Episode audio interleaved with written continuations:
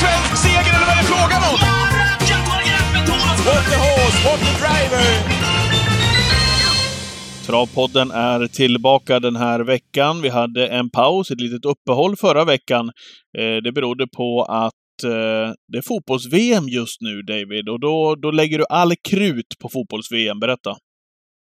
Så är det. Eh, med matcher 11, 14, 17 och 20 under förra veckan, eh, eller varje dag förra veckan, så blev det liksom svårt att trycka in en podd och ja, man vill inte bara trycka in något för sakens skull utan man vill ju ändå gå igenom de här punkterna innan och så vi valde att pausa en vecka helt enkelt. Jag hade lite på känn innan veckan kom att det skulle bli så. Ja, ja precis.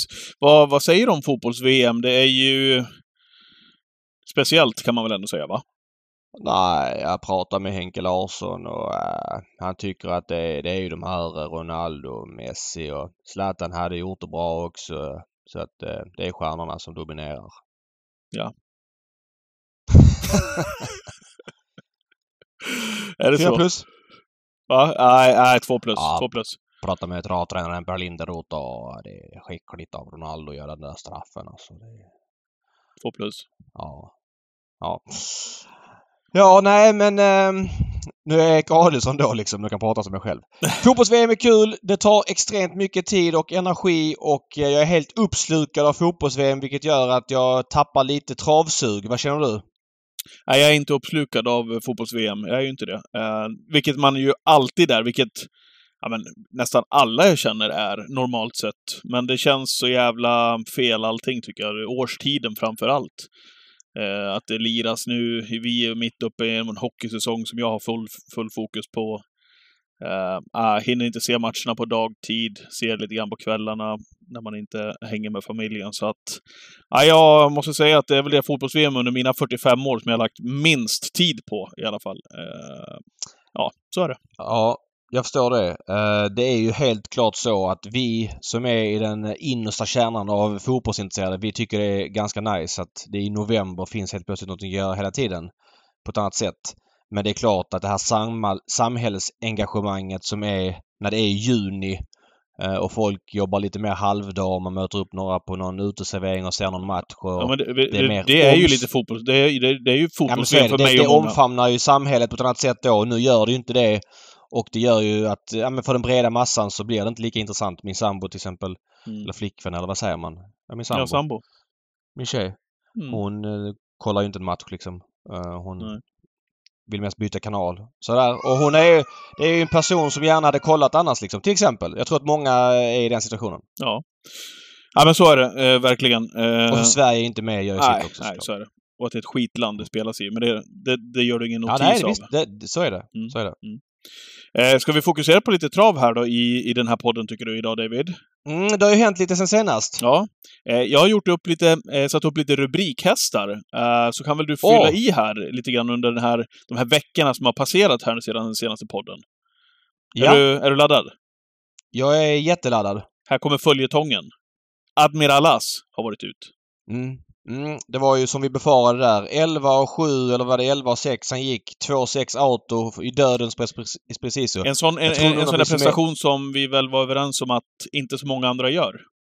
Nej, och eh, jag tror när vi summerar travåret att den är topp 5 i år. Den är helt otrolig. Men det är klart att det blir en backslash på den. Admiralas, lite skör häst. Det var lite hård bana den kvällen. Funkade inte i starten efter, galopperade från spår. Nu ska inte jag säga att det enbart är för att han presterade så bra men det var inte alls oväntat att det blev så här. Han har haft problem och hoppat bakom bilen tidigare. Jag tror inte att 11 och 7 insatsen hjälpte honom. Eh, och eh, det känns som att han åkte ner i källaren igen. Är Mm. min take. Vi får se när han kommer tillbaks igen men eh, ja. Ja, precis. Det är dåligt betalt att få 100 lax på en sån insats och, och, sen bara tappa formen typ. Om det var nu det han gjorde, det vet man ju inte eftersom han galopperar. Men, nej, men nej precis. Han behöver inte ha gjort det. Han, nej, precis. Det är så. Och det är väl just Nej. den där äh, jämna leveransen som, som har uteblivit i stort, ja, i hela hans karriär egentligen. Han gör de här prestationerna, är det. vi vet att han har kapaciteten, har han sin dag och allt det där. Men det är ju det är alldeles för ofta det floppar, så att säga. Så är det. Hoppas han kommer tillbaka. Eh, här har jag skrivit upp eh, uppfödningslöpningsvinnaren, 54. Mm. Vi eh, har inte tagit hand om det loppet än. Det var en klassisk löpning som gick här på V75 Jägersro för två veckor sedan. 54 vann Svensk uppfödningslöpning, bombat i ledningen och, och bara gick undan på ett väldigt bra sätt. Spikades Eh, väl 50 på streamsystemet också? Spikades på allt hos mig. Mm. den där aktuella eh, lördagen. Eh, 13 och 4, det kändes som att det fanns luft kvar. Vilken häftig individ. Han känns ju väldigt liksom... Eh, ja men det är bra tryck i honom överlag. Eh, Thomas Malmqvist fick vinna sin första uppföljningslöpning. Han har aldrig gjort det tidigare trots att han haft ett långt tvåårsfokus. Kul för honom. Eh, kul för avelshingsten Fourth Dimension som har sin första kull på banan. Får leverera en klassisk vinnare. Jag gillar det där med nya avelshingstar när de kommer in. Det är lite det som är sporten, men att hålla på med avel och ha obegränsat med pengar och betäcka med Muscle Hill, Ready Cash och sådana hingstar. Ja, det är skitkul och det lyckas men för mig är det lite mer eh, tävling, lite mer sport när man kan känna av okej, okay, Fourth Dimension tror jag på. Han är en ny hingst. Jag tar honom för ett billigare pris. Eh, nu var ju mamman här Backfire väldigt bra. Hon hjälper säkert till. Såklart, men eh, lik förbannat så är det en, en klassisk vinnare i Fourth Dimensions första kull. Så det tycker jag är häftigt. Ja, verkligen. Sen har jag skrivit upp Du jobbar väl lite så när du köper häst också? Du vill kunna hitta någonting som sticker ut? Ja, men det gör man väl. Det är väl framförallt för att man inte har råd att köpa de där hästarna som du precis, eh, som du precis pratade om, just, de, just med de stammarna. Men eh, det var ju därför vi också köpte, nu har vi köpt en Readly Express hingst och en Muscle eh, Hill-sto.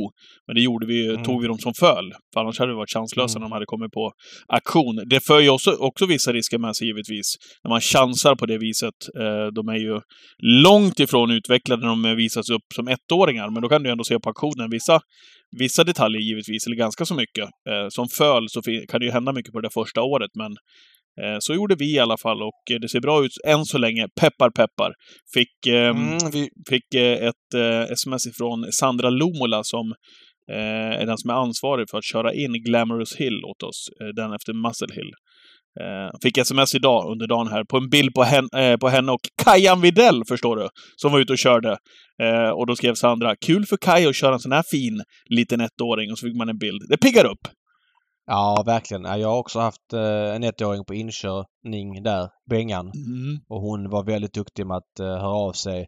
Jag vill inte ha ett sms varje dag, jag vill inte ha sms varje vecka, men med jämna mellanrum så att man känner att det går framåt. Och det tyckte jag hon var grymt bra på, utöver att hon gjorde ett bra jobb med hästen. Mm. Och Kajan fick känna på henne idag. Det var ju överraskande ändå. Ja, Kajan kör, kör han inte mindre, det är känslan Kajan. Ja. Att han får kanske, Kanske. Eh, kan man säga att han går ner och gör lite, tar på sig blåstället när han kör in ettåringar för att eh, Ja. antalet styrningar kanske har minskat. Jag Ja. vet inte.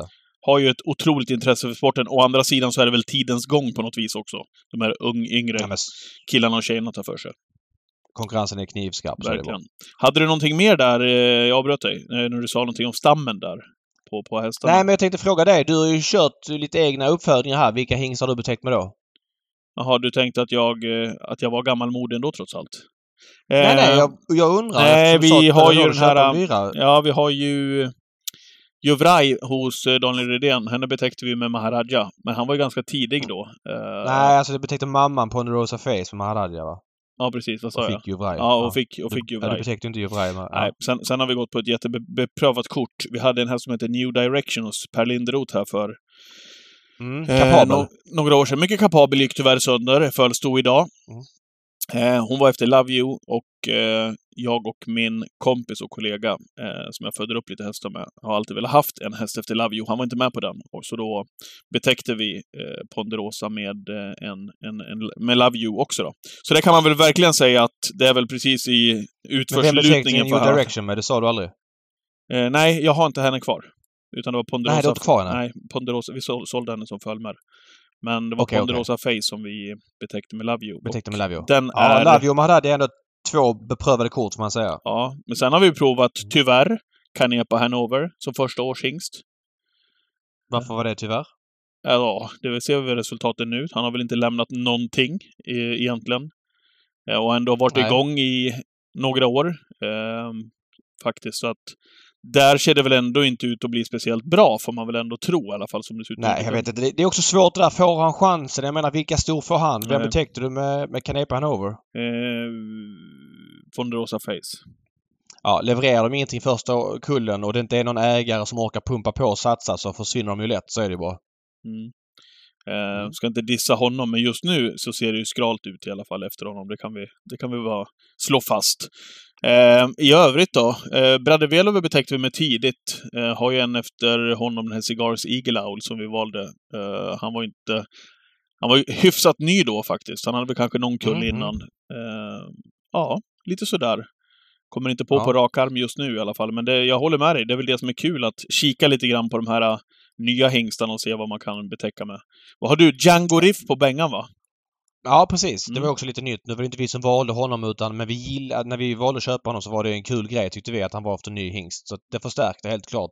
Mm. Jag ska säga det om Canepa Hanover. Eh, 118 färdigregistrerade svenskfödda avkommor. Eh, I kullen födda, alltså äldsta kullen, de är födda 2018, finns det eh, faktiskt hela 65 hästar. Det är ganska mycket. Bäst! Darlington Fame 473 000.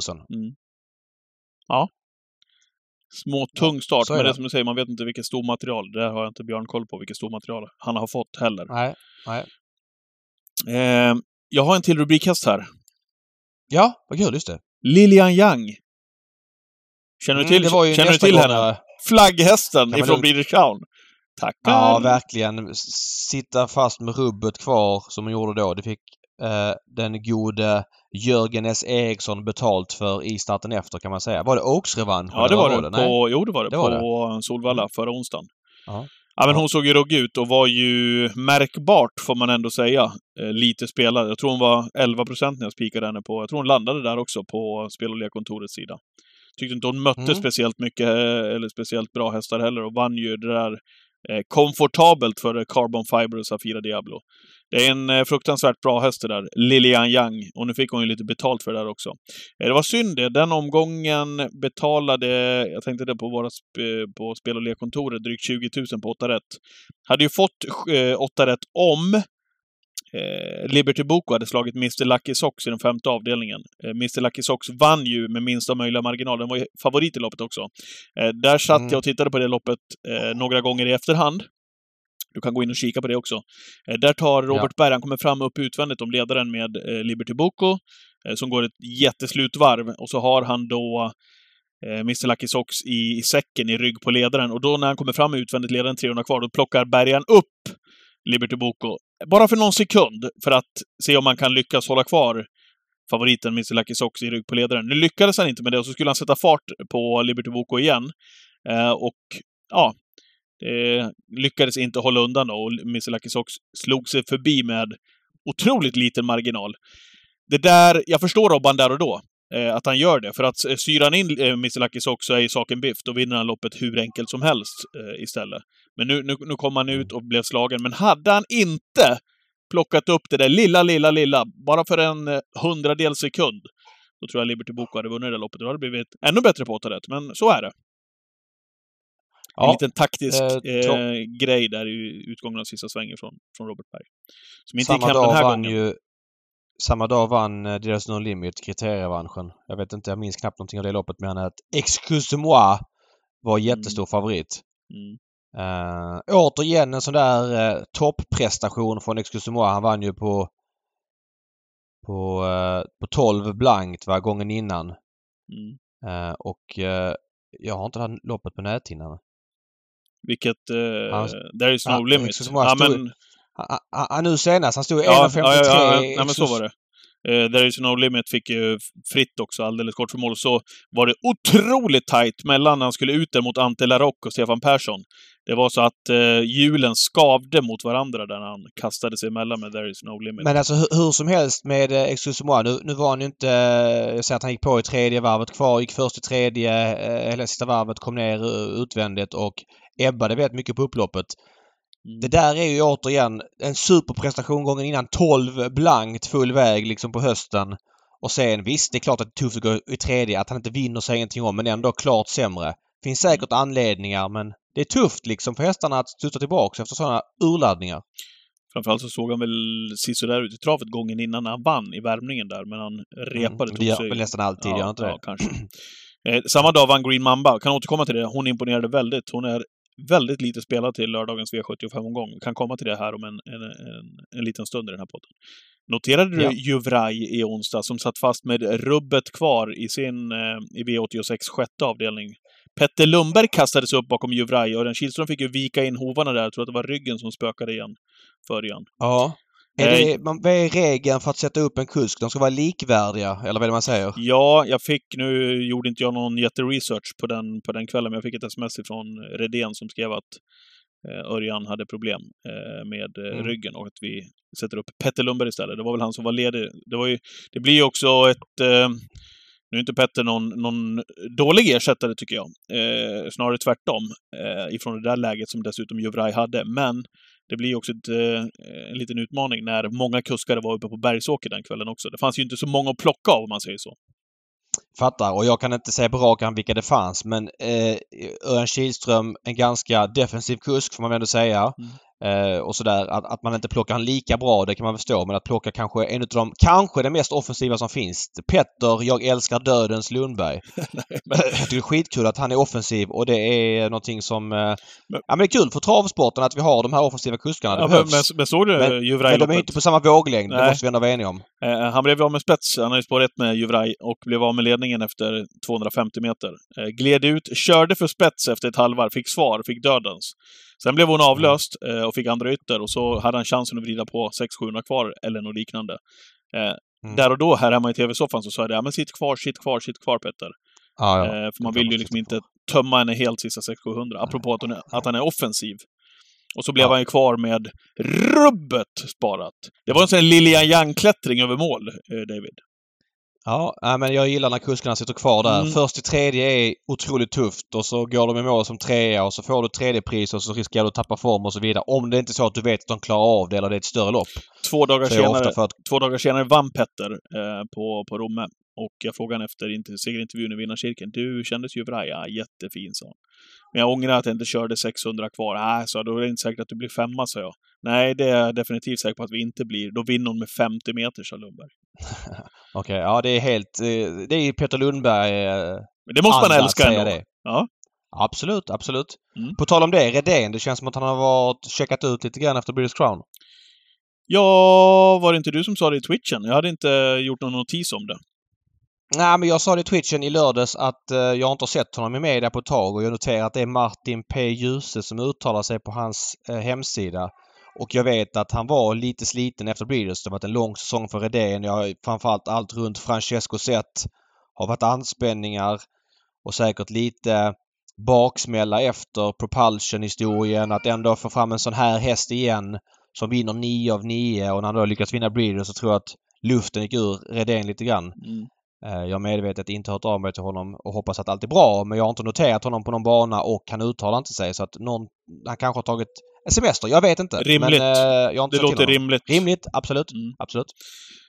V75 i lördags så sa vi i twitchen, eh, streamsändningen som vi gör eh, i Twitch, alltså 13.00 varje lördag, eh, att ja, vinner Honey Miraz och Brother Bill, då är det väl som det är. Då blir det ju grötsalt på sju rätt. Så blev det också. Ja, det var ingen skarp analys och tyvärr tycker jag att detta är en röd tråd när det är V75-finaler. Eh, jag kan inte säga på rak arm vad medianen är sista fem åren, sista sju åren men det känns som att den är ganska låg. Det är ofta någon favorit som är för stor när det är V75-finaler och jag går ju bara på trav i princip när det är Solvalla och V75-finaler och lite för ofta går man på trav och känner att nej, idag finns det ingen potential. Jag spelar inget eget V75-system i lördags. Jag tyckte det kändes helt eh, utsiktslöst. Det är klart att alla hästar kan förlora men då måste du ner och gräva djupt och jag, jag, jag struntade i det utan jag körde några andelssystem där jag såklart alltid köper massa andelar. Jag drog ner insatsen något för att det såg ut som det gjorde och Mm tyvärr blev det låg utdelning. Det, det känns som att eh, Solvalla dras lite med det när det är finaler. Det är några hästar som är för bra. Det blir lite för skiktat. Jag vet inte. Jag har för mig att finaler förr betalade bättre. Det är i varje fall så jag lärde mig på 00-talet att finaler, då ska alla vara med oavsett om de har form eller inte och då körs det mer och, och så vidare. Men numera känns det som att vissa bara är för bra. Ja. Ja, jag, jag har dålig koll på, på statistiken, eh, det vet du David, hur, det- hur det har sett ut genom åren, men så blev det i alla fall i lördags. Eh, vi måste ändå ge några ord då kring eh, Honey Miraz som vann V75s första avdelning. Eh, och på ett ja, men på ett Honey Miraz-sätt. Där hon travar dessutom när man fått ordning på det här i sista sväng. Det är liksom inte, att, det är inte den här tappaktionen som man har haft vid några tillfällen. Ehm, Framförallt tänker man ju på Färjestad-starten. Någon gång i somras var det väl, va?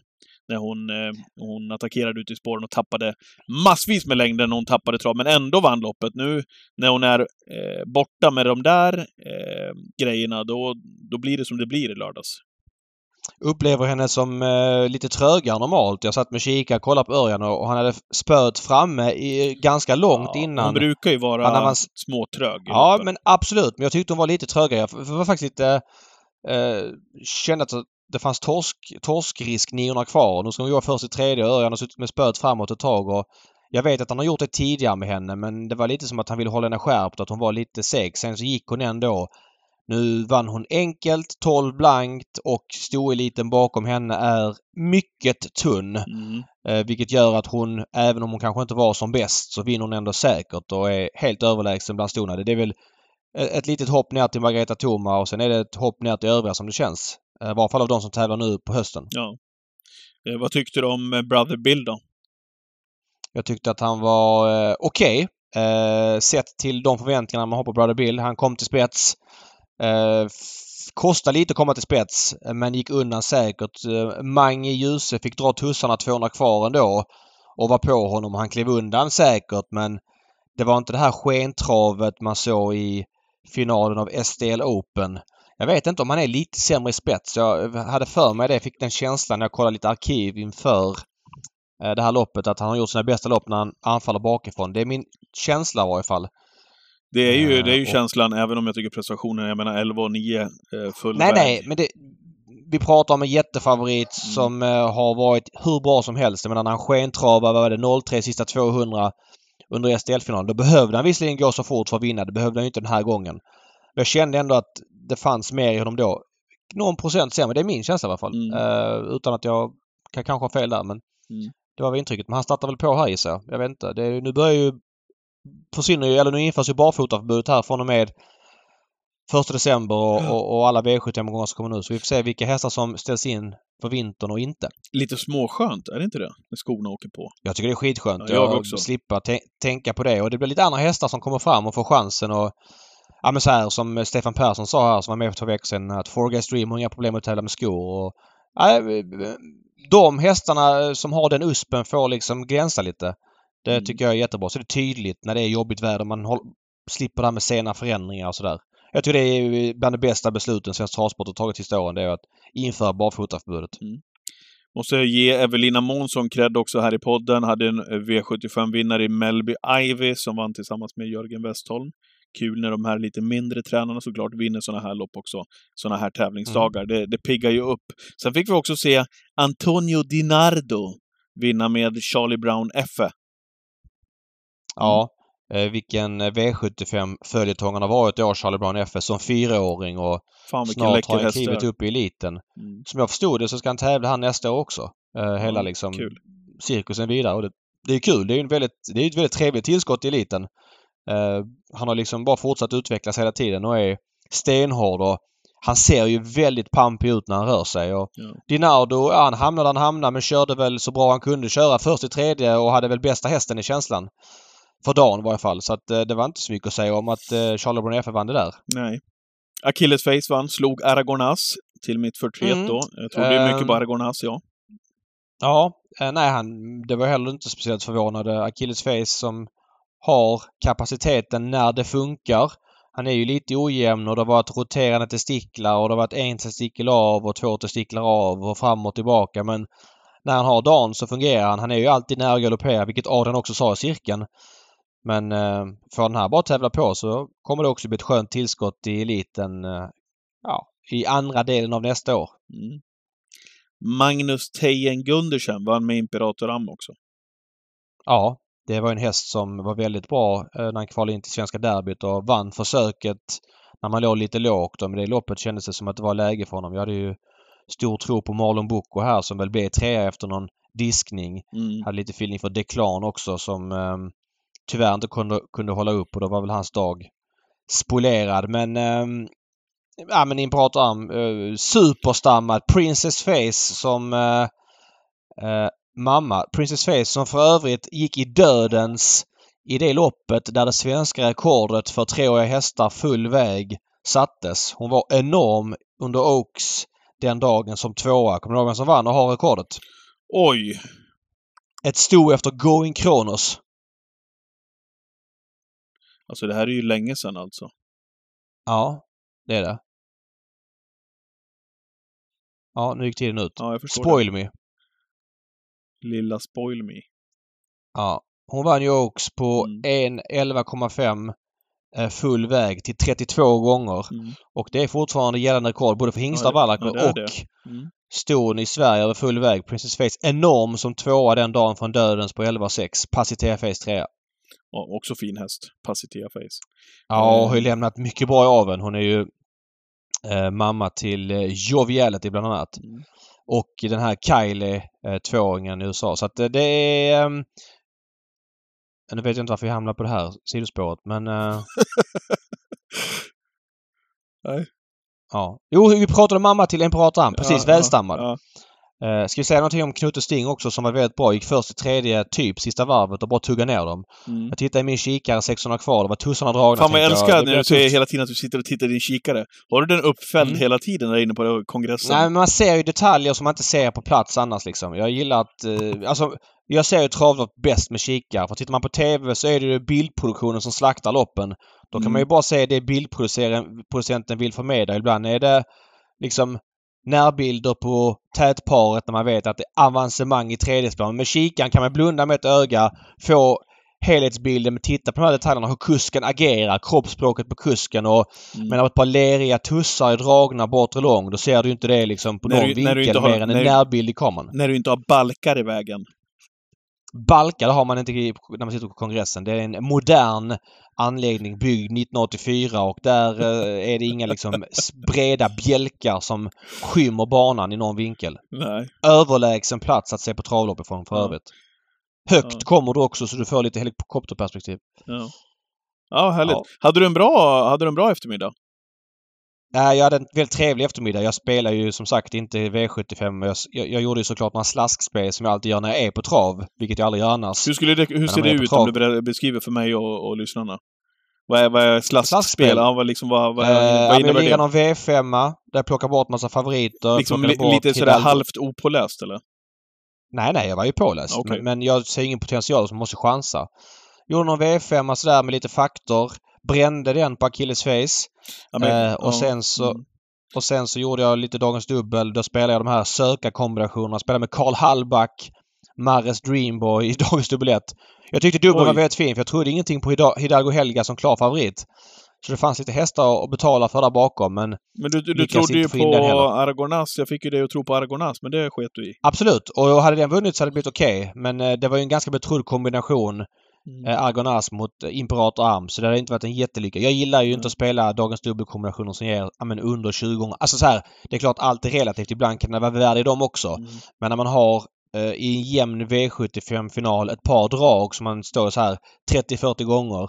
Då tycker jag det är kul att spela med dem för det blir en sån otrolig utväxling på dagens dubbel. Tänkte du sa slaskspelare och tänkte att du sa V4. Jag tänkte att du hade kastat in någonting utan att liksom, du vet, läst på V4 innan. Så nästan man, vill, man vill ändå vara med innan V75 drar igång. Allt fokus Det jag ligger gärna på gjort. V75. Det hade jag hemskt gärna gjort. Men när eh, man tittar på startlistorna i lördag så var det alltså sju hästar i lopp 1, sju hästar i lopp 2, åtta hästar i lopp 3 och 10 hästar i lopp 4. Eh, därav spelar jag inte V4. Det, jag kan liksom inte hoppa in i, en sån, i sånt poolspel. Eh, Och anledningen till det stavas ju hästbristen och det kommer bli, bättre nästa år när Solvalla kommer tävla betydligt mindre eh, och bli mer renodlad elitbana. Fredagsluncherna försvinner och lite andra tävlingsdagar. Jag tror det är 26 tävlingsdagar som försvinner från Solvalla. Mm. Men man behåller samma prispengar. Hoppas då att de här urvattnade loppen vi har fått brottas med på Solvalla sista åren försvinner. Eh, Jag har god tro på det i alla fall. I de loppen tar du inte upp kikaren. Nej, jag såg faktiskt bara upploppen på V4 trots att jag satt där. Jag var lite inne i fotbolls där. Körde någon match på sidan du vet och så vidare. så att, eh, ja, Ja. så är det. Du, lördag V75 ifrån eh, Bergsåker. Är du på hugget? Kan jag förvänta mig Eh, att du ja. på lördag när vi sitter i Twitchen klockan 13.00 att du har bra koll på V7 då? Det kommer jag ha. Bra. Eh, Jag har inte lika bra koll nu men jag kan förmedla mina första tankar. Ja, varsågod. Jackpot ska vi säga. Eh, jag vet inte hur mycket du har så mycket över. De fonderar ju nu till nyårsafton så det försvann väl 20% eller någonting av det som skulle vara med Mm. på lördag. Men det är väl så här 17-18 extra ändå. Vilket gör att eh, värdet är högt. Då, då, då får vi lämna in i tid. Ja, men det är inga problem. Okej, det är bra. lugnt. Vad har du för tidiga tankar? Eh, ja, jag har inte så många tidiga tankar. har du några tidiga tankar? Ja, jag har gått igenom loppen här. Eh, Det är väl... Jag vet inte hur du jobbar David, men på, på söndag, söndagskvällen när, när listorna kommer, när man sitter hemma med familjen och man kan luta sig tillbaka i soffan och, och ta fram listorna ändå och sådär och ögna igenom. Det är ändå härligt. Mm. Det är lite söndagstradition i alla fall för mig. Så är det. Men jag kan betala, jag kan säga så här, jag kommer betala eh, mycket för Karl Hallback i V751. Eh, Mange E. Juice kör nu, suttit dyngfast två gånger i rad från bakspår. Eh, betydligt lättare emot. Just nu då 11% ingen omsättning, men borde väl hamna där någonstans. Mm. Det är ingen häst som staplar upp segrar. Mm. Du har Mm. fastnat in i det där. Är det en ny Global Bookmaker från Ljusets stall? Nej, det är det Jagar inte. Ska med ljus och lykta. två gånger i rad utan att få skit av det. Så att det tycker jag... Okej, Karl Hallback Ja. får några chanser till helt enkelt. Några chanser till. Han, han fick chans som 40-åtsare i lördags. Vadå? Vad, vad, vill du liksom? Du, Daniel Wäjersten, kan, kan man, du som följer hans stall noga och dessutom trodde lite på Declan och Marlon Boko här i helgen. Kan man, Mm. eh, jag har ju feeling för Melby Iron med att han bara löser den här uppgiften. Eh, kan Mm. man ändå skönja viss formtapp efter en säsong som har varit 5 plus för hans stall? Eh, jag kan inte säga på rak arm att det är något större sammanhang att jag känner att hans hästar tappat Nej, formen. Men det Jag har inte varit inne och kollat eh, resultaten på sistone heller. Bara sån här magkänsla. Ja, jag, jag har inget som stöder det. Men Melby Ironman som är startsnabb, eh, spår på Bergsåker, han spetsar sig från näst senast. Väldigt enkelt. Nu är det ju lite snabbare hästar emot den här gången. Mm. Eh, är väl rimligt att han blir favorit kan jag väl känna. Och också en häst som eh, tävlade bra med skor Mm. senast. V75s andra avdelning favorit är just nu nummer två, LL Labero tillsammans med Robert Berg. Är det höstens häst på V7? En av dem i varje fall. Det är klart att Charlie Brown FS som vunnit ett par lopp måste vara mer höstens häst men eh, den här hästen har ju varit igång och, och kanske mer kommit från ingenstans. Men han har ju gått barfota väldigt många gånger i rad nu. Eh, har ju funkat med skor tidigare men har ändå fått den här extra kicken sedan han kom till Bergans regi. Och I Bergans regi har han gått barfota fram eller bak eller runt om i alla starter. Nu är det skor. Måste vara sårbar Ja. va? Eh, jag kollade på duellen senast mellan nummer 5 Mafioso Lynx och nummer 12 Mysterius Lucifer. Där den sistnämnde drog det längsta strået efter att ha gått i ledningen och eh, eh, vad heter det? Mafioso Lynx fick eh, gå ut i spåren. 3% är ruggigt skevt kan jag säga. Luf- Mm, Lucifer... det är ju ditt stall. Jocke Elva. Ja, på? Mafioso. Ja, han gick jättebra. Nu åker biken på, men där är det skor nu. Han brukar ju tävla barfota Ja. runt om. Däremot så har ju Mysterious Lucifer gått med eh, skor, vilket han också gjorde eh, i den senaste starten när han besegrade eh, Mafioso Lynx. Men 3% på Ja. eh, Mysterious Lucifer känns skevt. Gången innan så blev det ju... Jag vet inte vad det blev för lopp. Gå in och kolla på det får du se. Umåker eh, kördes vildsint hela vägen den gången, eh, där Melby Don Juan vann till slut. Eh, Mm. Ja, jag, tar, jag nämner den i alla fall, eh, Mysterious Lucifer, även om läget är vad det är den här gången, men han har också bara spelat på 3 eh, i nuläget. Det ska inte skilja så mycket i alla fall. V75 Nej. tredje avdelning. ehm, favorit, ja, vad heter den? Neves. Du, douanier. Mm, Okej. Du, Donier. Douanier. Jag vet inte. Douanier. Kanske. Borde det vara. Douanier. Mm. Ja. Har du någon take på det här loppet? Nej, jag har ingen take på loppet. Har du? Nej, inte mer än att det stimmades otroligt mycket om H- HC's Crazy Horse i den senaste starten. var ju nedtryckt ordentligt på liret där på Bergsåker. Eh, men eh, hoppade bort sig den gången. Det var ju det lopp som jag ny- nyss pratade om här. Mr Lucky Sox och Mm. Liberty Boko. Jag spikade Liberty Boko. Där stod alltså HC's Crazy Horse. Den var ju... 388. Ja, Hoppa från spår då. precis. Det är ju värt att ta med sig. Men, men verkar ju inte bli spelad Nej, det är lite det, jag- det, det jag vill påpeka. Att spelarna glömmer snabbt. Eh, Det var Mm. många tjänster som var ute på honom också då, HC's Crazy Horse. Eh, Mm. 3% just nu. V75s fjärde avdelning. Eh, jo, jag sa ju det. Green Mamba imponerade ju jättemycket i sin senaste start. Eh, och är spelad på 6% nu från dubbla tillägg. Impala Am sköt ju till sylvast. Jag hade spelat med henne senast. Eh, och fick, luckan, eller fick chansen lite för sent den gången. Fick lite för långt fram. Mm. De 40 hästarna tror jag blir farlig den här gången. Impala Am och Green Mamba. Det är 5 respektive 6 procenten vi pratar just nu. Skönt lopp det här. 15 hästar, ston, 3 volter. 14 och 15 kommer med någon form av barfotabalans i senaste Mm. starten. Eh, Och den 15 Indiva gick barfota runt om näst senast. Här kan det bli vad som helst. Den här omgången, jag hade inte kollat listorna så mycket innan. Den känns ju dunder. Mm. Vad kul att du gick igång Ja. nu, för att du såg. Ja, verkligen. Det bara känns som att oj, här kan ju alla vinna typ. V75s femte avdelning, Wäjersten favoritposition igen, 36 procenter med Esprit Sisu. Eh, vad är status på Born Unicorn egentligen? Uh, tror du att han skulle bli Ja. betydligt mer betrodd än de 20 han är på just nu i alla fall? Det kanske han blir också. Ja, Born Unicorn är en häst som känslan är att han eh, ledsnar lite grann när han får möta bra hästar och springa bakifrån. Eh, när man kan bomba på med honom i den främre träffen då är han bättre. Och nu går han ju ner i klass. Han har varit ute i tuffa lopp hela året och inte riktigt dugit mot de bästa. Det måste vi ändå vara ärliga och säga. Men det är inte så konstigt. En åttaårig vallack efter Raja Mirchi. Det är klart att eh, och som dessutom var tufft match som treåring. Men nu är det ju ett pinnhål ner i, i motståndsmässigt och det kanske är läge för honom. Sen måste jag även säga Ferrari Sisu, Konrad Lugauer åker från Jägersro med två hästar. Det var väl passande propositioner då Ferrari Sisu kan gå ut över 2,6 som han gillar och Lara Javrajtaut fick framspå ett sprinterlopp. Eh, jag gillar Ferrari Sisu. Jag har väntat på honom i två år lite grann. Jag vet att Konrad också varit liksom nyfiken på, på, på hästen. Jag vet att Konrad köpte hästen efter fyraårssäsongen då den dåvarande ägaren Jerry Bengtsson ville sälja och Konrad köpte ju såklart för att han trodde väldigt mycket på honom. Och det har gått lite si och så med det där men eh, han har mycket i sig eh, och mycket ogjort på banan och eh, jag kommer ihåg jag betalade ganska mycket för honom i ett stayerlopp på Valla i augusti. Det var jubileumspokalskvällen. Då gick han bra. Det var i loppet som King Cole vann. Valenius SOL jubileumsstayern. Ja, Han, han, han, han kommer slå till någon gång som jätteskräll. Kanske inte nu men, men 3 gör ju, eller 4 gör att jag kommer betala för honom Ja. i alla fall. V75s sjätte avdelning, kallblodslopp, David. 15 djur med. Mm. Brukar det vara i och för sig när kallbloden. Det är kul tycker jag. Det blir ändå någonting annat i alla fall. De mest betrodda startar längst bak och det blir eh, Gorm och Grizzly Odin GL som, som kommer att dra med streck. Ja, kanske också Rosborken är framme förresten, eh, tillsammans med Öystein Tjomsland eh, och Örjan Kihlström den här gången. Ja, Grizzly Odin har du också gått på några gånger. Ja, eh, ja det vet jag inte i och för sig. Eh, Det var ju den gången mot Stjärnblomster Mm. där Stjärnblomster galopperade återkallade. Men hur är det med Grisloden egentligen? Han, eh, man, tro, man trodde väl här tidigare år att eh, han kanske utmanar Odd Herakles och de allra bästa men dels brände han som jättefavorit där i det här voltloppet när han hoppade i volten och senast som 1,17 favorit på Solvalla. Det var ingen nötstyrning av eh, Öystein Tjomsland då men han var ju... Ja, Nej, men han var ju blek. ja. Får man ju säga liksom. Och nej, jag vet inte. Jag är skeptisk till honom. Eh, måste jag säga. Han är inte helt enkel att volta med heller. Jag menar Björn Goop körde galopp med honom för, för tre starter sen.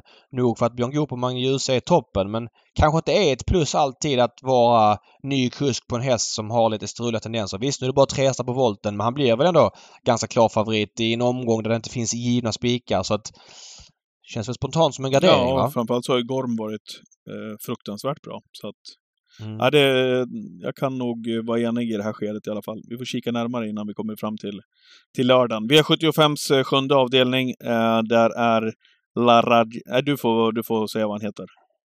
Laraja Vreithout. Ja. Han är, han är 55-procentare, David. A- anmäld med vanlig vagn efter åtta raka jänkarvagnstarter på svensk mark ska jag säga. Han har startat lite i utlandet och då kan jag inte säga på rak arm vilken vagn han har haft Mm. men det känns ju inte som ett Kommer plus. då med 0-3-0 i bagaget. Mm. Det, är, det är väl ingen Och, sån här man... eh, Eh, nu, nu är ju... Nu är han ju otroligt vass när han funkar och framförallt över de här förutsättningarna i kortdistans. Men är det inte lite blanda och ge där också? Finns ju startsnabba hästar invändigt. Haddeston är snabb ut eh, och ett par till. Det är inte helt givet att han får ta över. Sen kanske han kommer med så pass mycket fart. Men det är svårt att ta längder på Bergsåker. Han är väldigt stor favorit eh, på det tidiga spelet. Mm. Lång resa upp.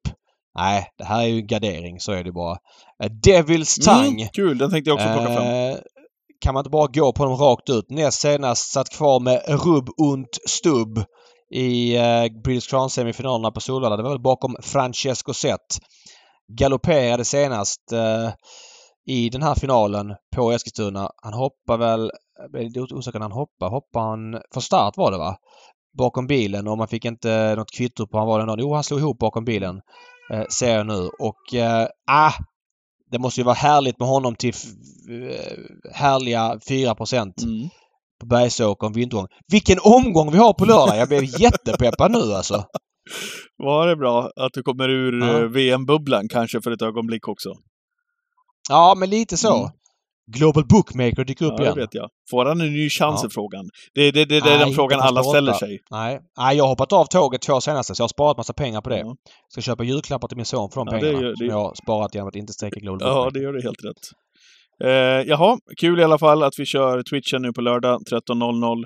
Bra Ja, drag ska där! Får vi det. säga det också? Det är bra drag där nu på Twitchen. Ja, ruskigt bra dag. Vi ska säga det. 13.00 kör vi, men vi börjar redan 12.45 med det här blajet. Eh, Men 13.00 börjar genomgången för vi måste vara klara 13.30. eh, För att det är fotbolls-VM och det är andra, andra grejer som ska in på den streamkanalen så vi får anpassa oss. Så vi kommer vara lite kortare men ha kanske fasta odds innan V75-genomgången så folk är med på Mm. det. Bra! Eh, och med det då så kör vi väl den här punkten tycker jag.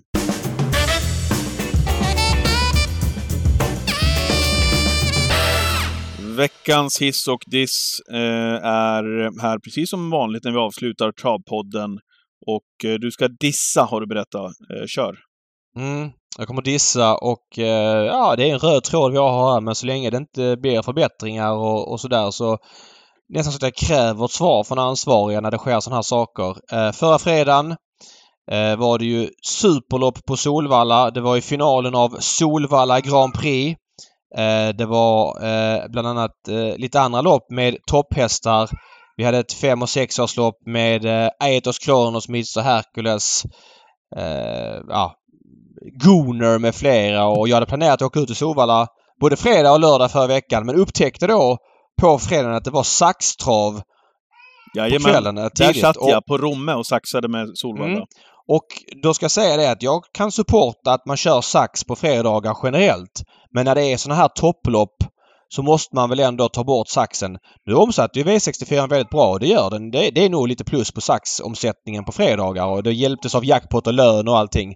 Men totalt sett, jag menar Jörgen Westholm var där med 400 pers och de hade säkert jättetrevligt men ska, ska det här vara lösningen på allting? Ska vi saxa allting för att det just den kvällen kan omsätta lite mer eller ska vi försöka bygga bra tävlingsdagar som folk vill gå på och ta med sig folk som kan bli intresserade av trav? Eh, skevt och uselt av alla inblandade att välja saxa sådana här tävlingsdagar. Det var ju sagt det var ju sagt att bra tävlingsdagar inte skulle saxas utan man skulle saxa vissa fredagar men de som var bra skulle inte saxas. Nu saxar man då den här fredagen och ja, det var ju enkelt val för mig att skita i att åka ut utan jag såg de där två loppen hemma och la inte en krona i omsättning. Andra människor spelar säkert mer för att det var senare spelstopp och sax. Varsågoda! Men eh, jag tror nog att det viktiga är att få ut de som gillar travet, spela på trav, gå på trav, äga häst och konsumera trav. Och då funkar tyvärr inte sax. Nej. När det är bra trav. Nej, Varför? jag, fattar. Ja, Nej. taken från Romme var eh, att det var väldigt mycket folk där, David. Men, det- men det handlar ju också om att göra någonting utav de här tävlingsdagarna. Tror, eh, eller tror, nu hade man julbord där. Eh, Och Mm. massvis med bussar som gick dit, vilket var otroligt kul att se att det var bra tryck i restaurangen. Eh, hoppas att man fick med sig en bra upplevelse därifrån. Det var väl kanske inte de mest initierade travmänniskorna som var där.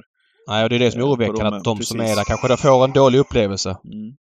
Nu är Bruno på väg att lacka ur i bakgrunden. Ja, han lackar ur här nu. Jag vabbar idag faktiskt och eh, fått svettas igenom den här timmen vi har med podden för att han inte ska ha velat lacka ur totalt. Mm. Eh, Men det har gått bra hittills. Vi ska nog lösa sista fem också. Kör din hiss.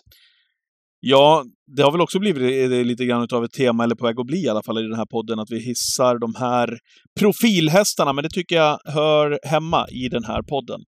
Eh, noterade eh, ju för några månader sedan att On Track Piraten, eh, som alla gjorde, eh, la tävlingsskorna på hyllan. Nu, dags för Disco Volante som har tävlat färdigt. Eh, gjort 99 starter. Det hade varit fränt om han hade fått vunnit en hundrade istället, men nu var det 99 starter. Eh, och vunnit V75 vid 14 tillfällen. Du brukar ju säga det också David, att det är viktigt med de här profilhästarna på V75. Det blev 33 segrar totalt, 14 på V75 alltså, tjänade nästan 6 miljoner kronor. Eh, Disco Volante, eh, Corants häst, Alcorants häst, Stefan Melander. Jenny Gustafsson heter ju skötaren som har eh, skött om Disco Volante. Det är väl i alla fall en V75-profil. Och vilka... Vad mycket vi har pratat om Disco Volante och vad mycket han har eh, bidragit med, så som han har varit som individ också. Vart har vi honom? Ska han galoppera i starten? Vilken kapacitet han har egentligen och, och så vidare. Ja, det är en Nej. härlig profil. Nu säger han tack och hej, Disco Volante. Jättebra hiss Patrik. Eh, det här har varit en verkligen en häst som många människor har eh, fått en relation till och spelat väldigt mycket på och spelat väldigt mycket emot. Han har varit ute på V75 och varit en vattendelare många gånger och varit med i Elitloppet och karaktäristisk på sitt sätt och mm. Han var med både 2019 namn. och 2020. Togs inte till final någon av gångerna tror jag.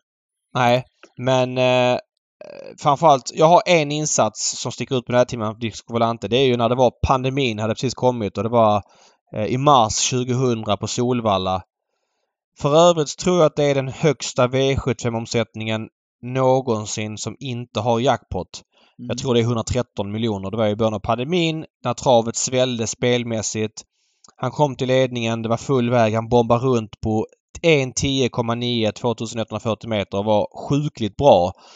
Eh, han var bra många gånger också utöver det Disco Volante men nej, jag håller med. Vilken profilhäst det har varit och den verkligen behövt. Sen vill jag ju säga så här att nu kanske On Track Piraten om man jämför de två var mycket bättre som nioåring än vad Disco varit. Disco som är nio och har haft en ganska vikande formkurva i år. Inte varit lika bra. Vann ett lopp. Det var ju V75 på Färjestad i eh, januari månad. Sen har det varit har han inte vunnit sen dess liksom. Han har ändå varit anständig får man säga. Men att, att sluta i tid också, att inte traggla på. Det kanske är lätt för en större ägare men att man liksom inte minns Disco Volante som hästen som fortsatte till han var 11 och liksom bara jagade mm. matlappar. Utan han är vallack. Det finns går inte att betäcka med honom. Inget sånt värde. Men ett värdigt slut för en väldigt profilstark häst. Bra, bra hiss Patrik! Tack David! Eh, han fortsätter nu sitt eh, Eh, pensionärsliv eh, på Molnebo eh, säteri. Vi tackar Disco Volante tycker jag för allt han har givit oss alla travälskare på travbanan så här långt. Ja du David, är det in i bubblan igen då? Först vabba klart med Bruno, sen in i VM-bubblan igen. Jag försöker få Bruno att sova här till 16-matcherna. Eh, så man, för nu, nu är det två matcher man hålla koll på, så måste man vara med i matchen. Ja.